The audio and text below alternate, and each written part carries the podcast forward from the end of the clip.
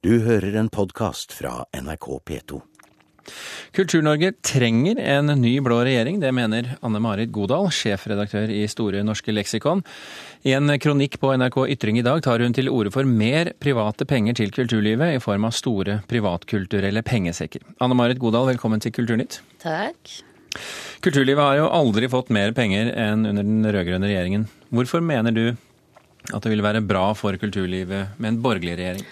Jeg har ikke egentlig sagt det, altså, så da trekker du det litt langt. Jeg bare reagerer på at uh, hele kulturlivet er så fryktelig engstelig for private penger.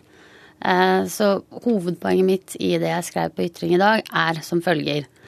Uh, nå har det gått veldig mye penger til etablerte tanker fra etablerte aktører i Kultur-Norge. De har på en måte fått alt de trenger. Men der jeg sitter, som er på internett, så ser jeg at innovasjon skjer ikke. Og de eneste som har klart å ta tak i det eh, så langt, er de to private aktørene som finnes per i dag, Fritt Ord og Sparebankstiftelsen. Det er de eneste store private pengesekkene som driver med kultur. Og det man ser der, det er at når de får til bra ting, så er det ikke noe samspill mellom de kjempebra resultatene og hva staten bryr seg om. Eh, og der tror jeg og håper jeg at det kan være åpninger for mer innovasjon, mer nytenking, enn det vi har sett de siste åtte åra. Du har kanskje ikke sagt at det bør bli en borgerlig Nei, regjering, men du har sagt at det er ingen grunn til å være redd for en borgerlig regjering. Um, mange i kulturlivet har jo nettopp advart mot det. Hva er det de har misforstått? Nei, altså jeg synes det er helt naturlig at når du måte, er blant de som får penger, når du er blant de etablerte, så er du selvfølgelig engstelig for å miste de penga.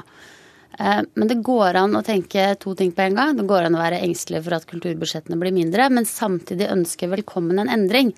Og der jeg, mener jeg at nå eh, må vi som er litt utafor det etablerte, og f.eks. holde på å bry seg om internett, si at her er det store rom for at kulturpolitikken kan bli mer relevant, mer oppdatert. Agnete Haaland, teatersjef ved Den nasjonale scene i Bergen. Føler du deg truffet? Er du en av de som har eh, stagnert? Altså, først må jeg bare si én ting, og det er, er det én ting jeg ikke er engstelig for, så er det private penger. Det er jo en gave at vi har private aktører på markedet som faktisk ønsker å bidra til, å, til nyskapning og til å sette i gang store kunst- og kulturprosjekter. Den nasjonale scene ble jo i sin tid bygget takket være åtte, altså åtte private givere. Altså det var da da ringte Christian Michelsen rundt til de åtte bergenserne som hadde telefon, mm. og så ba han dem å bidra slik at Nasjonale Scene kunne få et bygg. Og det gjorde de. Mm. Ja, like, like, fullt, eh, Agnete Haaland, så har du uh, tatt til orde for at en uh, blå regjering er noe vi ikke bør trakte etter? Nei, Det jeg tar til orde for, og det som er min viktige, måte, å få frem her, er at det er viktig å fortsette å satse på kunst og kultur. Og jeg mener jo at staten er en veldig, veldig viktig bidragsyter, fordi at det gir forutsigbarhet, det gir langsiktighet, og det gir også en risikomulighet, også for de tunge institusjonene. Og jeg frykter jo ikke at ikke vi skal finnes fordi om vi har fått et regjeringsskifte, men jeg er opptatt av at hele kulturlivet og kunstlivet også skal ha en sterk stat inne videre, som gjør at vi får det mangfoldet som vi i dag ser at vi har. Ja, hva tror du skjer med den sterke staten med en ny borgerlig regjering da? Jeg tror at, jeg håper jo at forhandlingene ikke blir de helt store. Det er jo litt avhengig av hvordan forhandlingene skjer på regjeringsplan, og hvem som får hvilke poster. Men det er klart det er jo spennende å se hvordan kulturliv kulturlivet vil bli behandlet fremover. Jeg tenker vel i utgangspunktet at kultur er såpass lite i den store sammenhengen på statsbudsjettet at det kanskje ikke er der de store fightene kommer til å stå, men vi vet jo ikke. Jeg må bare si at uh, altså det er et spørsmål, eller mitt innspill i denne debatten, da, det er at jeg, min erfaring er det går bare småpenger og strøtanker til innovative prosjekter. Uh, Kulturrådet sitter med liksom, små midler, små sekker. Og hvis du skal få til store ting, så er det per i dag bare et par private aktører som kan bidra til det, med mindre de tankene og prosjektene kommer fra de etablerte aktørene. Og det er, det er en erfaring fra bokbransjen. Eh, mange forskjellige prosjekter. Litteraturhusene, Store norske leksikon nå. Alle er enige om at dette er kjempebra ting for den norske offentligheten. Men Kulturdepartementet er måtelig interessert. Og det er der jeg liksom etterlyser en kulturpolitikk som ser på resultatene av innovasjon, da, for å bruke et blått ord. Hvis man får til bra ting, Hvorfor er ikke staten mer interessert, med mindre det kommer fra de store, etablerte aktørene som er inne fra før? Tror du Agnete Holland, at et, en større engasjement for innovasjon også i kulturlivet vil være til et gode?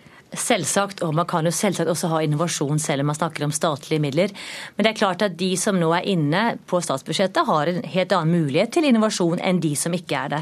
Og Derfor er det jo så viktig at vi har åremålsstillinger i kulturlivet. Altså Teatersjefene skifter, innenfor film så skifter konsulentene. Altså de som forvalter, de som er portvokterne for de statlige pengene, ja, de sitter, må skiftes. Men du sitter jo likevel innafor liksom, et etablert paradigme, da. Ja.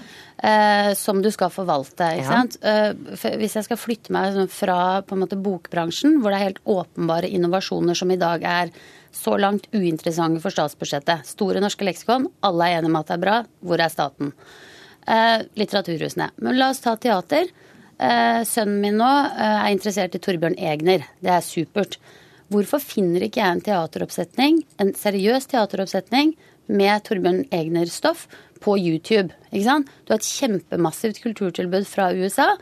Eh, staten spytter inn masse penger til produksjoner av Torbjørn Egner. Hvorfor finner vi ikke det på internett? Ja, Det er jo det, det, er et godt spørsmål. og hvor vil, hvor vil, man oppleve teater? Hvis du mener at eh, det er bedre å se filmet versjon av teater, så er det klart det er noe som, det ligger jo i kortene at det er noe som skal diskuteres fremover nå hvordan vi kan sikre en større spredning av eksisterende forestillinger. Og det er klart at Innenfor den type innovasjon så er det mye som gjenstår for å sikre kvaliteten på produktet, og for å sikre opphavsretten til de som har laget, det. Laget det. Teater er vel fremdeles noe man går til et hus for å se noe skje på en scene, i hovedtrekk? Ja, altså, jeg er jo opptatt av at teater er kanskje den siste analoge skansen. Det er kanskje den mest analoge arbeidsplassen vi har i verden etter hvert. Der kan man faktisk oppleve møter mellom levende mennesker mellom scene og sal. slik at det er noe Det er en helt annen det, opplevelse. Men det er, altså, grunnen til at jeg stiller den typen spørsmål, da, det er at jeg syns at forandringene skjer så fort. Mm. Og vi har mm. fått en helt ny arena, som er den digitale offentligheten. Og for åtte år siden, da de rød-grønne overtok, så har de på en måte Da så virkeligheten helt annerledes ut på internett. Og i løpet av de åtte åra så har det på en måte bare gått småpenger, prosjekter, ingen store tanker. Det mener jeg det er rom for å få til en forandring på nå, hvis du ser den offentligheten på internett nedenfra fra borgernes synspunkt. Men nå snakker vi om mange ting. Vi snakker om altså, internettverden i forhold til å vise åndsverk, og vi snakker også om insentivordninger eller muligheter for å få mer privat kapital inn i kunst og kultur. Ja. Og Det er klart at det er jo noe som er kjempespennende. Kan man tenke skattefritak, kan man tenke mm. insentivordninger som mm. også løfter næringslivets muligheter og interesse for og faktisk å Og et stat som er interessert i å høre seg. Men, men Godal, det private næringslivet er jo i større grad eh, utsatt for opp- og nedturer i eh, økonomien. Vil ikke da en økt satsing på privat kapital også gjøre kulturlivet mer sårbart? Jo, altså, Jeg har to poeng i den kronikken. Det ene er at kanskje er de private, sånn som vi ser dem i form av Fritt Ord og Sparebankstiftelsen, gode til å ta risiko. da. At de tar store risikoprosjekter, og noen lykkes, og noen lykkes ikke. Men så er det B. Staten må kunne skule til hvor er resultatene, hva lykkes de med da? Og der må vi være bunnsikre på at staten er interessert, og det er vi ikke i dag. Det borgerlige regjeringsalternativet sitter nå og diskuterer på Redison Blue i Nydalen. Eh, et av spørsmålene som kommer opp er kanskje dette i løpet av den prosessen frem til vi får en vi ny, ny, regjering. Mm. Anne Marit Godal og Agnete Haaland, tusen hjertelig takk for at dere kom til Kulturnytt. Selv takk. Du har hørt en podkast fra NRK P2.